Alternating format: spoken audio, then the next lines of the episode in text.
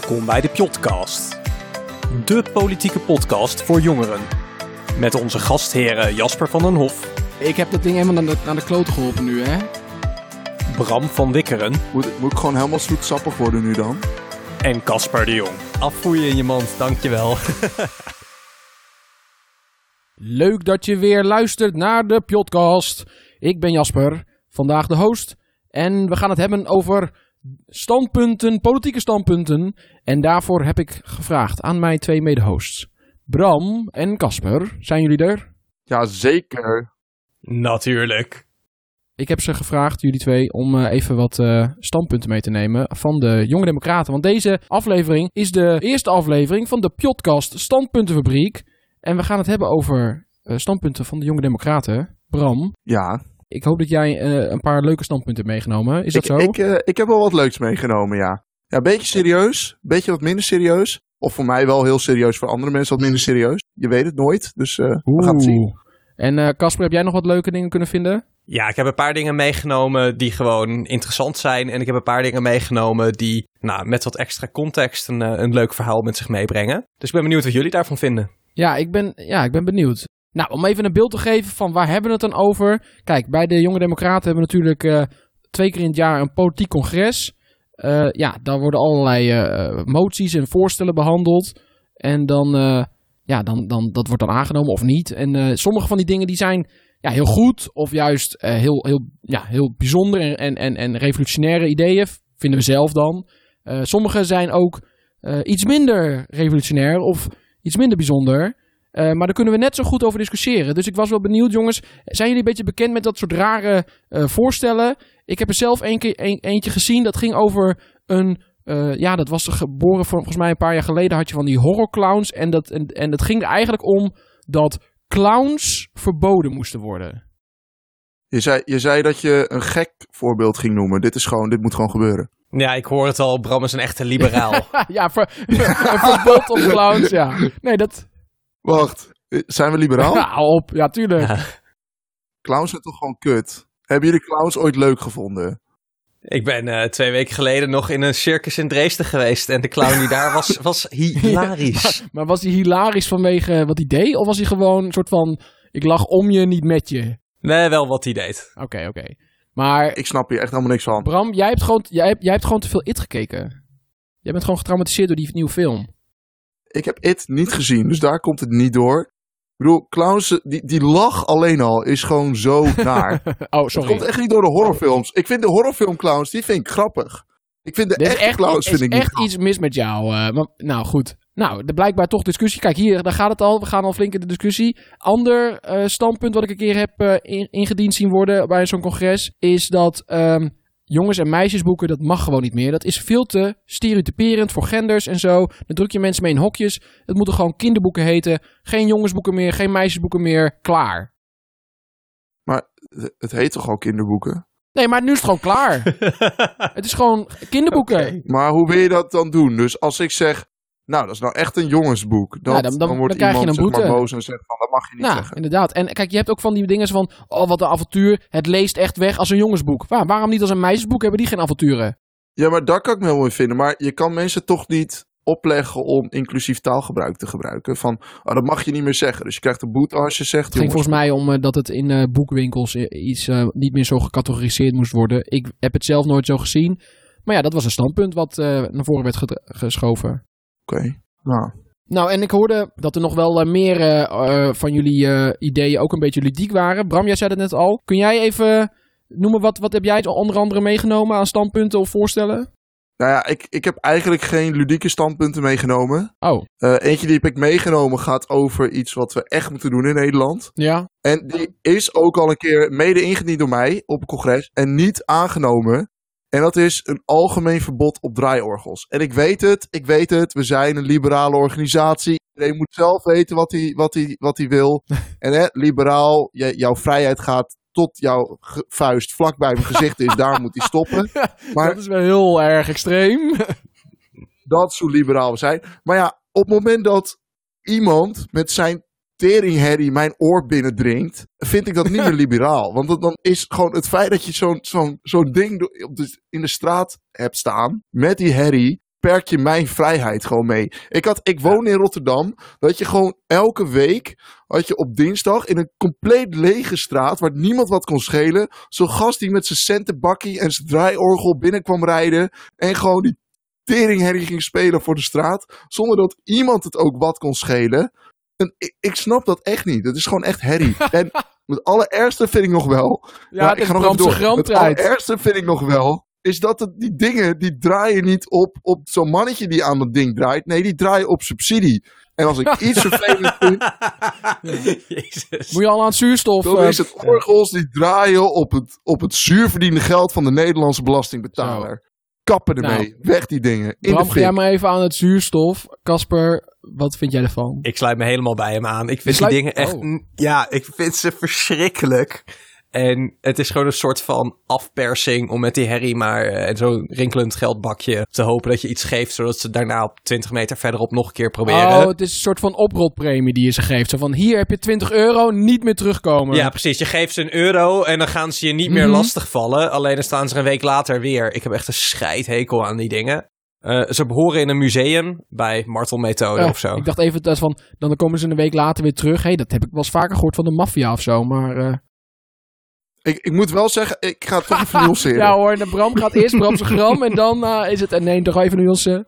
In Utrecht heb je wel een heel mooi draaiorgelmuseum. Met hele grote eh, instrumenten van, van vroeger ook. En dat, dat is op zich wel cool.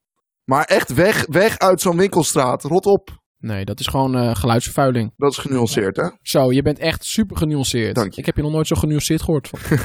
Eh, nou ja, maar dat, dat oké, hele serieuze dingen hoor ik al gelijk. Jongens, ik wist niet dat we er zo serieus in gingen. Ik dacht dat het een vrolijke, gezellige aflevering zou worden. Een paar leuke standpunten. We kunnen showcase waar staat de jonge democraten nog voor. Maar eh, nee, het is weer eh, gelijk eh, vet op de inhoud. Ja. Ja, Casper, heb jij ook, heb jij ook een, een, een stevig politiek inhoudelijk standpunt meegenomen? Eh, ik heb wel een politiek inhoudelijk en ook heel idealistisch standpunt meegenomen. Oh, idealistisch. In een van onze, ja, eh, zeker. Eh, in een van onze eerdere afleveringen, toen hadden we het over verschillen tussen de JD en D66. En eentje daarvan was dat JD'ers zich vaak idealistischer vinden dan dat D66 Oh is. ja. En er is een motie over het klimaatakkoord eh, ingediend en aangenomen bij de JD, die ook zegt dat de deelname aan de regering eh, gekoppeld moet zijn aan het halen van de klimaatdoelen van het Parijsakkoord. Dus dat D66 het kabinet ook moet laten vallen als het erop lijkt dat we die niet meer gaan halen. Is dat niet al zo? Heeft, heeft Jette niet al zoiets gezegd? Dat dacht ik. Misschien Nou, heb ik nu fout, hoor. De- Deze motie is aangenomen voordat eh Jet het stokje overgenomen had. Dus dat Ja, geeft dan toch aan dat Ja. de JD weer met de idealen op D66 vooruit loopt. En een harde grens trekt Misschien heeft Rob om... gewoon eh, heel erg goed, eh, goed. Ja, hij, ik, kijk, hij luistert ook, dat weet ik zeker. Dus Ja, nu precies. de herhaling nog een keer. Rob, dankjewel. Die is een, een van de zes luisteraars, hè? Maar jij zegt dus eigenlijk dat dat... Hè, want is het nou zo dat D60 dat standpunt over heeft genomen? Nou, dat is nieuw voor mij. Maar ik weet wel dat de JD hiervoor pleit. Dat is eh, wat Bram net zei. Nou, het was, het was een beetje weer rond de, rond de spanning van het klimaatakkoord. Weet je wel, van we gaan het niet halen, dus we moeten aanvullende maatregelen nemen. En toen is eh, eh, Rob ook gevraagd van, nou ja, wat betekent dat voor de coalitie op het moment dat je dat niet haalt en, en we gaan het niet halen? Ja, dan is er geen steun meer voor deze, voor deze coalitie. Want ja, onderdeel van het regeerakkoord is dat we Parijs halen, Parijs plus eigenlijk. Hè. We willen naar die 55 procent. Dus hij heeft inderdaad gezegd van dat het wat doet met de, met de draagkracht voor deze coalitie. Ja, dat heeft hij echt gezegd van... Nou, no- no- Ja. nog net niet van... Als het niet gebeurt, dan zijn wij weg. Ja. Oké, nou, dus eh, geïnspireerd zeker, denk ik dan. En dat zegt deze motie dus wel gewoon zwart op wit. Deelname aan het kabinet moet verbonden zijn aan het halen van de doelen van Nou, Parijs. Ja, ja. Nou, misschien eh, dat het dan over de streep heeft getrokken. Ja. Maar dat is dus eh, een, een hele idealistische motie. Mhm. Maar ben je er zelf ook voor? Vind je dat ook belangrijk? Vind je ook dat we Ja. het kabinet wel moeten laten vallen als het eh, niet lukt? Ja, absoluut. Normaal ben ik wel iemand van de bruggen bouwen en eh, liever één stap naar voren en niet alles krijgen dan je wil, dan helemaal stil blijven staan of nog erger naar achteren. Zo. Maar dit punt is zo belangrijk dat ik vind van hier valt niet op te onderhandelen of een compromis op te sluiten. Dit moeten we gewoon halen, punt. Linksom of rechtsom moeten we die klimaatdoelen binnenharken. En daar is gewoon geen compromis op te sluiten. Nee? Nou, met deze motie wordt dat ook gezegd. Maar wat nou als je het net niet haalt? Ja, net niet is niet. Dus dan moet je het gewoon laten klappen. Ja. Oké, nou. Maar je hebt genoeg ruimte voor bijsturen ook. Hè? Dus je bent continu aan het meten. Eh, onderdeel van de, van de klimaatwet die is aangenomen. Zodat er ook jaarlijks eh, algemene beschouwingen op het klimaat komen. Op het klimaatbeleid. Dus elke keer kun je zien van nou, eh, doelstellingen die zijn in de toekomst. Dus doelstellingen kun je elke keer weer op een andere manier gaan halen. Dus elke keer ben je weer bezig met herijken van hoe je naar die doelstellingen komt. Op het moment dat je zeg maar als kabinet gaat zeggen nou, uh, we zien dat we de doelstellingen niet halen, dus laat die doelstellingen maar zitten. Dat is het moment dat je het kabinet Oh, laat ja, vallen. maar ja. zolang je dus zegt van, oh nou, we hebben maatregelen genomen, oh, het pakt niet helemaal goed uit, is het logisch dat je dan dus vervolgens aanvullende dingen gaat doen. Ja, ik was al bang. Precies. Ik was al bang dat ik er wat voorbij zag glibberen. Maar deze gladde aalmove, die eh, zie ik alweer heel snel door de vingers. het is gewoon, eh, ja, als we het niet halen, dan laat het klappen. Maar ja, we zetten de doelpalen steeds gewoon verder weg. Dat is gewoon wat hier gebeurt. Nee, nee, nee, Nee. want, want het- nee, nee, nee, de doelpalen blijven staan. We zetten een extra speler op het veld. Ja, exact. Ah, exact. oké. Dat is Ja. hoe het is. Maar voor wanneer zijn die, ehm, die doelen van Parijs eigenlijk geformuleerd? Ik weet even niet zo uit mijn hoofd. 2030 moet de reductie ja, dat percentage zijn. En 2050 moeten we helemaal energie-neutraal. Nou ja, nee, want ik zat in mijn hoofd dat het, dat het verhaal van de Milieudefensie van 2020. Toen dacht ik, nou, dat lijkt me dan wel vrij, vrij essentieel, maar goed. Nou, ook voor, eh, we hebben ook voor 2020 hebben we al een doel. Volgens mij is het 14% eh, volledig duurzame energie. En die lijken we nu ook niet te halen. Dus daar is inderdaad nog werk aan de winkel. Dus het zijn korte termijn doelen, maar lange termijn doelen. Oh ja. En het, het heilige graal van een hele circulaire duurzame economie hebben is in 2050. Hebben we dat doel Oké, gesteld. nou, leuk. Leuk. Nou, idea- eh, wel, nou ook, ook belangrijk. Ik vind het wel, ik zat er zelf niet zo in. Daarom host ik deze aflevering ook, want ik ben niet zo van de, van de politieke inhoud. Daar heb ik jullie voor. Maar ja, idealistisch had je, ja, je bent er zelf ook fan van. Mhm. Heb je nog andere moties of standpunten meegenomen?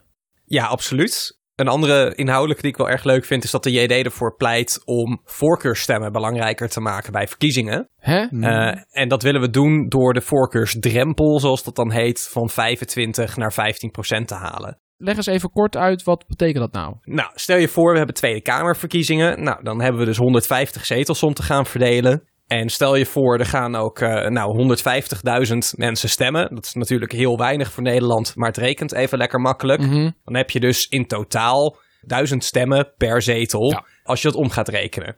Nou kan het zo zijn dat een partij bijvoorbeeld eh, een, een aantal stemmen krijgt, maar dat iemand die laag op hun kieslijst staat toch heel veel extra stemmen binnenkrijgt. En dan wil je eigenlijk dat die persoon, omdat die kennelijk populair is onder de mensen die gestemd hebben, dus toch eerder een plekje in de Tweede Kamer kan krijgen. Mhm. Nu hebben we in de praktijk natuurlijk miljoenen stemmen in plaats van dat het er 150.000 zijn. Dus daarom is het zo dat je niet in je eentje een volledige zetel hoeft te verdienen, maar op dit moment moet je een kwart zetel in je eentje met voorkeurstemmen verdienen. Ah, En dan kun je Ja. die direct krijgen. ja, want anders is het heel moeilijk. Dan zou er niemand ooit zijn eigen zetel kunnen krijgen. Precies. En een kwart van een zetel is gewoon nog steeds heel erg veel. Afgelopen verkiezingen is er maar een handjevol mensen die dat gered hebben. Want, wat, want hoeveel, weet je hoeveel stemmen je dan ongeveer nodig hebt in, en bij de laatste verkiezing of zo?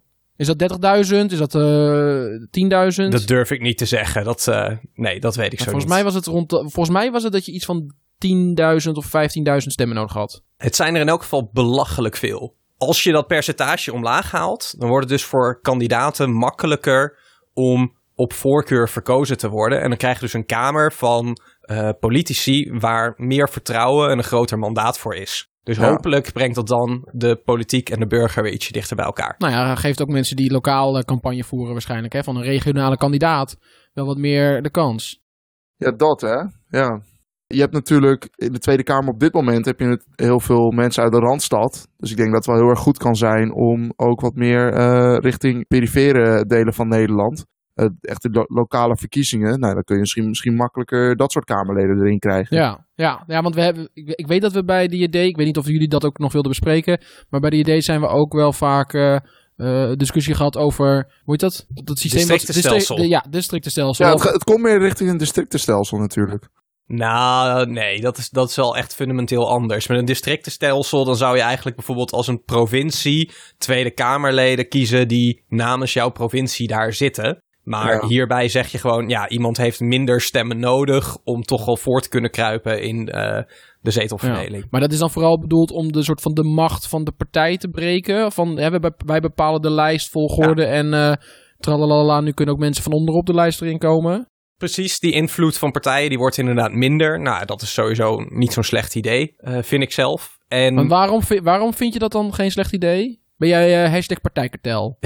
Breek het. Ja, dat valt wel mee. Um, kijk, de partijen die, die vullen wel een hele pragmatische rol ook in het landschap. Maar op dit moment is het zo dat kandidaten zich af en toe ook gewoon niet volledig kunnen profileren zoals ze zelf willen. Omdat die partij met de lijstvolgorde zo machtig is.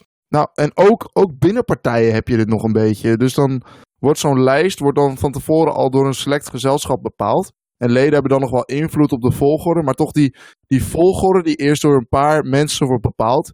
Die is ook vaak uh, de, de definitieve volgorde. Terwijl je misschien ook dat goed zou zijn als je at random een beetje de mensen verdeelt. En dan de leden laat kiezen over een lijstvolgorde. Dus... Zeg je nou at, at random mensen verdelen? Wat? Nee, oké. dus je hebt nog geen, geen volgorde aan het begin. Ja. En dan laat je de leden volgorde uh, bepalen. Oh. Als, wij zeg maar, als wij zeg maar een lijst nu maken van nou, Advieslijst. Uh, 1, 2, 3. Een advieslijst Ja. en we zetten jou bovenaan. Dan is na, ook na zo'n stemming, omdat je al bovenaan staat en je zo kunt profileren en zo, Ja, is de kans dat jij daar blijft staan ook gewoon veel, veel groter. ja precies. Oké. Nee, dat snap ik. Maar jij bent er dus ook wel voorstander van. Ja, ik vind het eigenlijk wel, wel een goed idee om dat inderdaad wat lager te maken. Ja, ik weet het niet zo goed zelf, wat ik er zelf van vind. Maar jullie twee zijn allebei gewoon hard voor.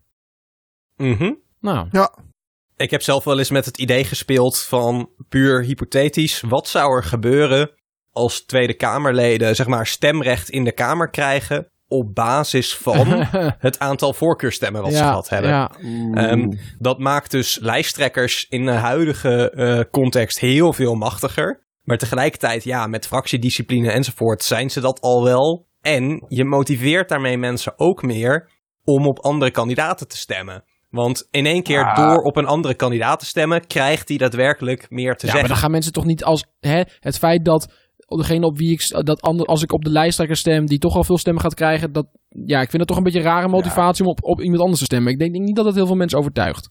En ook even eh, om in de woorden van Mark Rutte te spreken, het land moet wel bestuurd worden, hè? Het moet wel bestuurbaar blijven. Ja, ja, ja. Nou, je, je denkt dat die... Je krijgt helemaal van die kleine koninkjes... die allemaal weer hun eigen dingen Ja. gaan regelen. Ja, Ik pleit hier ook niet voor, maar ik vond het wel gewoon een interessante gedachte. Wat zou er gebeuren als... dat is lastig in elke onderhandeling. Dan moet je eerst even zo, hop, je voorkeurstem op tafel gooien en dan weet je wat voor gewicht je in de strijd Nou, volgens brengt. mij was het wel zo dat bij D66 altijd relatief veel mensen hun eigen zetel verdienen. Hè, dat die allemaal, eh, dat, dat, dat, het ligt niet allemaal bij de lijsttrekker. Het ligt best wel verspreid. In de top 6 of 7 mensen die komen er allemaal op eigen konto in, wat dat betreft. Ja, dat is op, Mm, op zich wel cool. Ja. Ja, en weet je wat ook cool is, Bram? Nou, Oh, je volgende standpunt hoop ik. ja. Dit hoop ik tenminste. Ja, anders, dit anders werkt dat bruggetje heel slecht. Ja, nee, ik vind het een heel goed bruggetje. Ja, wat, wat iets is wat, waar ik me al heel lang... Oké, we Ja. zijn liberaal. Ja. Dus we vinden eigenlijk alles moet een beetje kunnen. Mensen moeten eh, goed voor zichzelf kunnen zorgen. Maar één ding irriteer ik me zo erg aan en misleidt mensen zo erg dat ik, dat ik gewoon vind dat het helemaal verboden Nou, moet worden. Wat is en dat vinden wacht, jonge wacht, wacht, democraten wat, vinden wat, dat niet. Oh, de jonge democraten vinden het niet. Nee. Oh. Het standpunt gaat over de alternatieve geneeskunde. Want wij vinden als jonge democraten dat er een Europees label moet zijn eh, voor alternatieve geneeskunde. Dat, dat je dus duidelijk kan zien, hè, dit is niet volgens wetenschappelijke standaarden, wordt dit middel je aangeboden. Ja, goed. Dat vind ik eigenlijk niet ver genoeg gaan. Want mensen worden echt gewoon misleid met dit. Mensen geven zoveel geld uit aan dingen waarvan we eigenlijk gewoon niet kunnen bewijzen of het werkt of niet. Er is zo'n mooi gezegd in de medische wereld: alternatieve geneeswijzen die werken, worden geneeswijzen.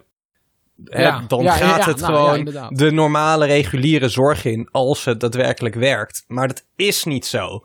We zien het keer op keer. Het was eh, kort geleden nog in het nieuws dat er weer een of andere eh, patiënt overleden was omdat hij met een of andere exotische boomwortel behandeld werd, waar dan ook weer giftige stoffen in zaten. Nou, dit is zo'n Het, na- het nare eraan is dat, je, dat zo'n zo'n kwakzalver, die doet het ook met de beste bedoelingen. Dus die denkt, nou, ik ga eens even deze boomwortel aan iemand voeren en misschien kan ik hem wel van zijn kanker genezen.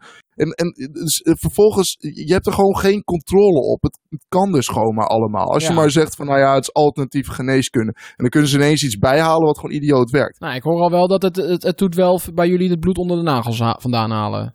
Ja, Ja. ja. ik heb een jaar dus, bij, eh, nou, in het eh, bestuur eh, liep ik door Den Haag, elke keer naar het kantoor toe. Ja? En dan zag ik zo'n zo'n eh, alternatieve geneeskunde ja, loketje. Zo'n zo'n ja, zo'n beetje loesje gebouwtje. Maar goed, volgens mij komen er echt mensen, anders zouden ze ook niet bestaan. Mhm. Waar ze gewoon pretenderen dat ze onvruchtbaarheid kunnen genezen. Oh, En puur dat dat kan, dat je dus gewoon op een bordje kan zetten: kom hier binnen en betaal mij geld om je onvruchtbaarheid te genezen. mhm. Ja, ik vind dat echt dat we dat niet moeten, ook met een labeltje niet. Ik vind dat we daar verder in moeten gaan. Ik vind dat je dat soort shit echt moet verbieden. ja. En ja, Casper, jij bent het daar dus wel mee eens. Ja, de diversiteit binnen de podcast komt duidelijk weer naar voren. Want ik zit er gewoon helemaal op dezelfde lijn. Ja, ja. Ik heb de wetenschap als een soort van heilige graal en eh, licht in eh, mijn levenspad staan. Ik vind wetenschap zeg maar best wel een beetje belangrijk. Be- best wel een beetje. Precies. En als ze dan iets hebben wat daar gewoon haakst op staat, waarvan juist keer op keer bewezen wordt dat het niet werkt. En het ondertussen eh, mensen valse hoop geeft, mensen zeg maar potentieel uitbuit en andere problemen geeft. Doordat Ja. mensen bijvoorbeeld echte zorg mijden door alternatieve geneeskunde eh, te consumeren. Ja, dat doet mij gewoon echt pijn. ik ben er niet zo gehaaid in. Maar ik vind wel. Kijk, sommige mensen heb je eh, dat placebo-effect gewoon heel sterk. En dan is er iets alternatiefs. Nou, Ja. hè, hartstikke leuk. Ga in een stenen cirkel eh, dansen als je daar beter door voelt. Moet je vooral doen. Ik vind niet per se dat het vergoed zou moeten worden door de verzekeringsmaatschappij. Maar goed. Maar er zijn gewoon heel veel dingen die zijn gewoon echt heel kwalijk. En ja, vooral dat stukje onwetendheid en uitbuiting. Zeg maar onbewust kwaad doen in die zin. Of eh, nou, van die tantra-masseurs die dan, eh, eh, die dan hun, hun, hun patiënten, tussen aanhalingstekens dan dus, Mhm. eh, ja, hele, hele erotische eh, of naakt gaan masseren en zo. Nou, dat zal vast voor sommige mensen heel goed zijn. Maar zoveel mensen komen nou in het nieuws met dat ze dus daar toch aangerand zijn, et cetera. Dat denk ik van ja, dat Ja. is dus... Hè, dat is dus echt niet goed. Ja, Of van die homeopathische middeltjes, van die super verdunde extracten ergens van. Nou ja, als je dat dan omrekent, dan zou er voor één molecuul van de werkzame stof meer water in moeten zitten dan er op aarde beschikbaar is. Ja. Dus dan ben je ook gewoon het duurste water wat je maar in een flesje kan stoppen aan het verkopen. Verkopen ze dat ook niet gewoon in de supermarkt, van die hele dure watertjes? Ja, ja mooi businessmodel. Ja, ik, ja dat wel, ja. En eh Casper, heb jij nog een ander, ander punt? Ja, ehm, wat natuurlijk ook wel grappig is, is het proces van eh, hoe deze standpunten aangenomen worden. Omdat dat soms ook wat verwarring en chaos met zich meebrengt. Eh, wat heel gebruikelijk is, in elk geval bij de jonge democraten, is dat nou, iemand die een voorstel heeft een korte toelichting mag geven. Dat daarna andere mensen in mogen spreken. En dat tot slot de indiener nog een keertje het laatste woord krijgt. Ja. Nou, allemaal heel leuk en aardig. En wat er daarna gebeurt, is dat de voorzitter van de stem- en notulencommissie, zoals dat heet, zegt: In stemming wordt gebracht de motie zoveel, Ja. een nummertje, met deze titel. Wie is hier voor? Wie is hier tegen? En daarna een uitslag. Maar de motie waar ik het nu over ga hebben, die heet lerarenregister. En die pleiten voor de afschaffing van een lerarenregister. Dus die hele behandeling was geweest. Eh, mensen zeiden dingen goed, mensen zeiden slecht idee, moeten we doen. Werd erover gestemd, dus in stemming wordt gebracht. Lerarenregister, wie is hier voor? Ja. ja, ja, ja, daar was niet over nagedacht, zie ik al. Daar was totaal niet over nagedacht. Oei, ja. Ehm, en er ontstond dus een, een beetje chaos en rumoer in de zaal. En vervolgens komt er dan zo'n toelichting. Ja. Ja, eh, beste aanwezigen, eh, stem hiervoor als je tegen het register bent. En stem tegen als je ja, voor die het ontkenningen die doen het altijd slecht. Oh man. Precies. Nou, dit is dus een standaard voorbeeld in de motieschrijftraining geworden. Hou rekening met de titel eh, voor je voorstel. Ik krijg hier gelijk flashbacks naar het, het, CDA het CDA-congres. Met als u voor de samenwerking bent, bent u tegen de motie. Bent, dan stemt u met het gele briefje.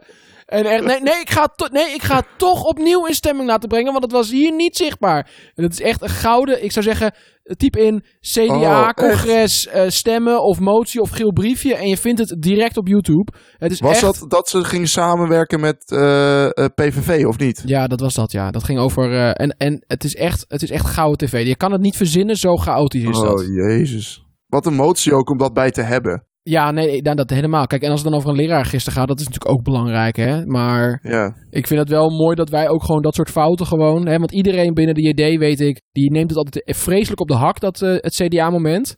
Maar dat doen we het gewoon lekker zelf ook. Ja, we hebben ook aardige clusterfucks gehad, waar er dus flowcharts op de beamer Oh, gezet ja. werden van, eh, ja, oké, we gaan deze behandeling doen en als dit aangenomen wordt, dan gaan we door met die en anders met die andere. En als die aangenomen wordt, dan zijn we klaar en zo niet, gaan we weer terug naar die ene. En nou, Ja. gigantische chaos en succes nee, dat is geen chaos. Dat is prachtig, jongens. Dat is prachtig. Dat, moet, dat leef ik voor. Ja, dat sluit elkaar niet uit. Dat is allebei. Je moet er denk ik gewoon rekening mee houden dat niemand zich inleest en iedereen ter plekke moet, moet snappen waar ze dan voor gaan stemmen. Want je hebt gewoon echt heel korte tijd ervoor. Mhm. ja, Ik heb ook nog een standpunt om, ja om eh, maak in hem te even brengen. af. Maak hem even af. Ja, want ja, het gaat over lijkbezorging. Wat? Sorry, wel, eh, lijk, lijkbezorging. Eh, hallo, lijkbezorging. ik Dus wil zeg geen maar pizza, hoe je... maar eh, ik wil lijk. Ja, nee, ja, iets anders dan dat. Like en share en subscribe. ook, ook niet. Jullie zijn, jullie zijn ook niet eens warm. Oh. Nee, het gaat over als je nou dood bent, wat, wat mag er dan met je lichaam gebeuren? Ja, ik snap ineens waarom het niet warm was. Ja, Ja, maar het is ook zoiets, daar denk je niet over na. Het lijkt ook zo klein, misschien is het ook gewoon wel klein. Maar dat is dan ook iets waar we gewoon een standpunt over hebben. Daar heb ik best wel veel van geleerd. Dat is echt iets wat ik bij die idee dan leer, dat, dat, hoe dat werkt. Ja, nee, dat klopt. Het, dat is ook wel, ik denk het mooie van zo'n, eh, daar hebben we het al een keer over gehad, hè, over van zo'n politieke jonge organisatie, dat er heel veel verschillende mensen met verschillende interesses en, en, en, en belangen lopen. Maar Dus, dus waar, ja, dit, dit, waar ging dit nou om? ja, waar ging het om? Ja, Dit ging over eh, lijkbezorging. En blijkbaar is het zo dat het dus limitatief is. Misschien ook ergens wel logisch. sorry, Limitatief? limitatief hoe je zeg maar na je dood, wat, wat er met je lichaam gebeurt. Dus je kan hè, begraven, cremeren, eh, eh, ge- geven aan de wetenschap. Dus zeg maar, je mag niks behalve wat in de wet wel staat. Precies. Ja. Dus je mag alleen, dus, ik weet niet of, de- ja, ik denk dat het gewoon lijstjes ergens. Dat mag je doen. Zolang het niet naast het bonnetje ligt. Eh, Oké. Oké, en door. Ja, maar ja, als ik nou gewoon mezelf in zoutzuur wil laten oplossen in een, in een, in een plastic bak. Dan vind ik eigenlijk wel dat als ik zelf ervoor zorg dat iemand die bende opruimt en dat voor me wil doen, dat ik gewoon in de bak opgelost kan worden in zoutzuur als ik daar zin in heb. Je hebt gewoon heel veel Breaking Bad gekeken. Nee, want dan zou ik, dit is het plastic bak en niet in een badkuip. in Oh, een badkuip oh. gaat het dus blijkbaar fout. Ja, oké. Je hebt geleerd. Ja, Ik dus- heb geleerd ja, van ja. Breaking Bad. Ja. Precies. ja, op zich, eh, dat vind ik een heel mooi liberaal standpunt. Dat je dus gewoon mag doen met je lichaam wat je wilt. Ook na je dood. Als je maar ervoor zorgt dat je anderen niet tot last bent Ja, ermee. ja, gewoon vrijheid om te kiezen, ook na je dood, wat je met- ermee wil gebeuren. Dus hoe, hoe zouden jullie, zeg maar, eh, gaan jullie gewoon voor de klassieke methode? Of eh zie je ook wel wat, eh, wat revolutionairs voor je? Ik kies de minst milieubelastende optie eh, die beschikbaar is wanneer ik eh, een, een goede oude leeftijd bereikt Dus heb. geen crematie. Dat is geen crematie, denk ik. Dat is heel veel CO2 Nee, er zijn, van die. Eh, er zijn van die natuurbegraafplaatsen waar je dan een eh, stuk van ongeveer 30 vierkante meter krijgt. En dat schijnt dan ook ongeveer de grond te zijn die de natuur nodig heeft om jouw lichaamsproduct eh, te verwerken. Oh, Oh, dat wist ik helemaal niet. Dat vind ik wel eh, het best mooi Nou, idee. Ja, ik heb er nooit zo echt over nagedacht. Op mijn leeftijd, eh, ja, misschien ik ben wel de oudste van jullie, maar ik heb er nog nooit echt bij stilgestaan. Ja, statistisch ga jij als eerste, Oh, Jasper. Dus je moet als eerste Ja, over nadenken. Ik was, wel, ik was wel van plan om laatst eens een keer een, eh, een lijfverzekering aan te sluiten, maar dat voor de, ja, nadenken over de dood heb ik nog niet echt gedaan. Sorry. Oh. Beetje, beetje luguber dit, hè? Oké. Nou, kan ik wel hebben van jou. Nou, mooi. Ja, Ja. maar ja, beetje, beetje een rare, rare wending aan het gesprek zo. Maar eh, ja, ik was, eh, hè, de dood komt voor ons al en, ook voor de podcast. Dus op een gegeven moment moeten we toch een aflevering aan het eind breien. Ja, ja. zo. hey, lekker soepel hè? Ja, nee, maar, ja, ik had eigenlijk wel een oproep aan jullie eh, luisteraars. Misschien eh, is het leuk als jullie eh, ook jullie favoriete standpunten van je eigen organisatie of, eh, hè, of dingen die, waarvan je denkt... hey, dat zou wel een leuk eh, standpunt kunnen zijn voor die idee. Misschien moeten jullie dat een keer voorstellen. Kijk, Als je die nou... Ja. Vraag je mensen nu gewoon om een motie te schrijven? eh, ja, ja, nou ja, da- ja. Of een standpunt dat er al dat is. is eigenlijk wel wat ik doe. ja, schrijf een motie. We moeten maak er gewoon een rare motie van. Maar, oh. Dus eentje die we dan volgens kunnen behandelen. Oh, we- weet je wat we kunnen doen? We kunnen gewoon, je hebt altijd bij, kijk, bij JD-congres heb je altijd zo'n ehm eh, congresbingo, hè? Ja, Mhm. Dat je met, met bepaalde woorden die dan genoemd worden, kunnen we daar niet iets mee doen? Onze eigen bingo maken. dus een motie met bepaalde woorden erin. Wat? Voor de verdediging of voor de motie? Nee, oh, nou, ja, weet ik veel. Eh, gewoon een paar, Nee, oh, wat je doet, wat je doet, je vraagt gewoon, eh, wij, wij bedenken woorden En die moeten terugkomen in de Ja. motie die mensen gaan bedenken. Ja, ja, vind ik goed. Hebben jullie, eh, hebben jullie iets in je... Even snel... Oké, dan ga ik even... Nou, eh, zou het toch leuk zijn, luisteraars, als jullie eh, bij, eh, in het vervolg... bij het volgende JD-congres of zo... of je eigen congres, dan moet je het ook maar even opsturen... eh, een, een motie of een voorstel kunnen schrijven met de volgende woorden erin. Eh, Bram, heb jij een woord bedacht? Oeh, ik ga voor eh, robotstofzuiger. Zo, dat is, is echt ook heel makkelijk in een zin te verwerken ook, hè? Ja, het is ook gewoon wat zie staan. Oké, en heb jij een robotstofzuiger in je huis? ja. What the fuck ja, is aan de hand? Ja, ja, ja. Goed, dan laten we daar niet te veel op ingaan. Oké, ik zeg wel gewoon Roomba. Roomba, oké, Roomba, of iets wat erop Het lijkt. woord Roomba. En eh Ja. Casper, heb, jij, heb jij een leuk ludiek woord wat, je, wat ze in een, in, een, in een voorstel moeten ver- ver- verpakken? Moet ik in één keer ad hoc dingen ver- eh, Ja, gaan verzinnen? je- Normaal zou ik zeggen van dit delen we op de Insta, maar Bram die bijt direct al oh, spits nou, af. dat kan. eh, We kunnen het ook op de Insta zetten. Dat Gemiste kans. Ja. Ja. Ehm bonsaiboom. bonsaiboompje. Eh, Oeh. Ja. En? En nou, ik, ik ga gewoon voor een heel oud-Hollands woord voor kloek. Wat, wat betekent kloek? Ja, dan moet je me opzoeken. Nou, goed. Met, en Hoe spel je het? Nee, hoe spel je het? Dat mogen de mensen wel nou, weten. K-L-O-E-K. Nou, de historicus onder ons, eh, die kiest weer iets uit zijn eigen domein. Precies. Kloek, Roomba of robotstofzuiger Ja. en Nou, bonsaiboomtje. eh, stuur je ideeën en suggesties of filmpjes van waar het eh, wordt uitgesproken op een, op een landelijk evenement. eh, vooral op naar ons. Dat kun je doen via Instagram. Dat vinden we heel leuk. Eh, we posten regelmatig updates en leuke foto's op eh, Instagram. Volg ons daar dus ook. podcast.nl Oh nee, niet .nl. Dat is een site. Ehm, nou, we hebben ook een, een Discord. Dus eh, heb je zin om mee te praten? Dan kun je ons eh, daar volgen. Eh, je kan dat vinden als je Discord downloadt, eh, podcast. Volgens mij is het dat gewoon het kanaal. Mhm. Ja. En als je ons anders wil contacten, dan hebben we ook een eh, mailadres, podcast.gmail.com. Maar we vinden het ook leuk als jullie, als je dan hebt geluisterd, dat we ook interactie hebben met jullie. Dus eh, denk je van, hé, hey, dit is leuk, om, ik wil in de uitzending komen. Neem vooral een voicebericht op via de Anchor-app. Daarmee kun je onze afle- afleveringen allemaal luisteren. En dan kun je ook terugpraten. En dan krijgen we misschien een beetje een dialoog. Dat zou ik toch wel heel erg leuk vinden. Jongens, ik vond het mooi dat jullie allemaal die, eh, ja, die ja, bijzondere standpunten hebben meegenomen. Misschien kunnen we in de toekomst ook nog wel eh, met andere organisaties zo'n aflevering maken. Zou gaaf zijn. Ja, ik wil jullie graag bedanken voor deze aflevering. Nou, jij ook bedankt. Graag gedaan en tot ja, de tot de volgende. volgende keer.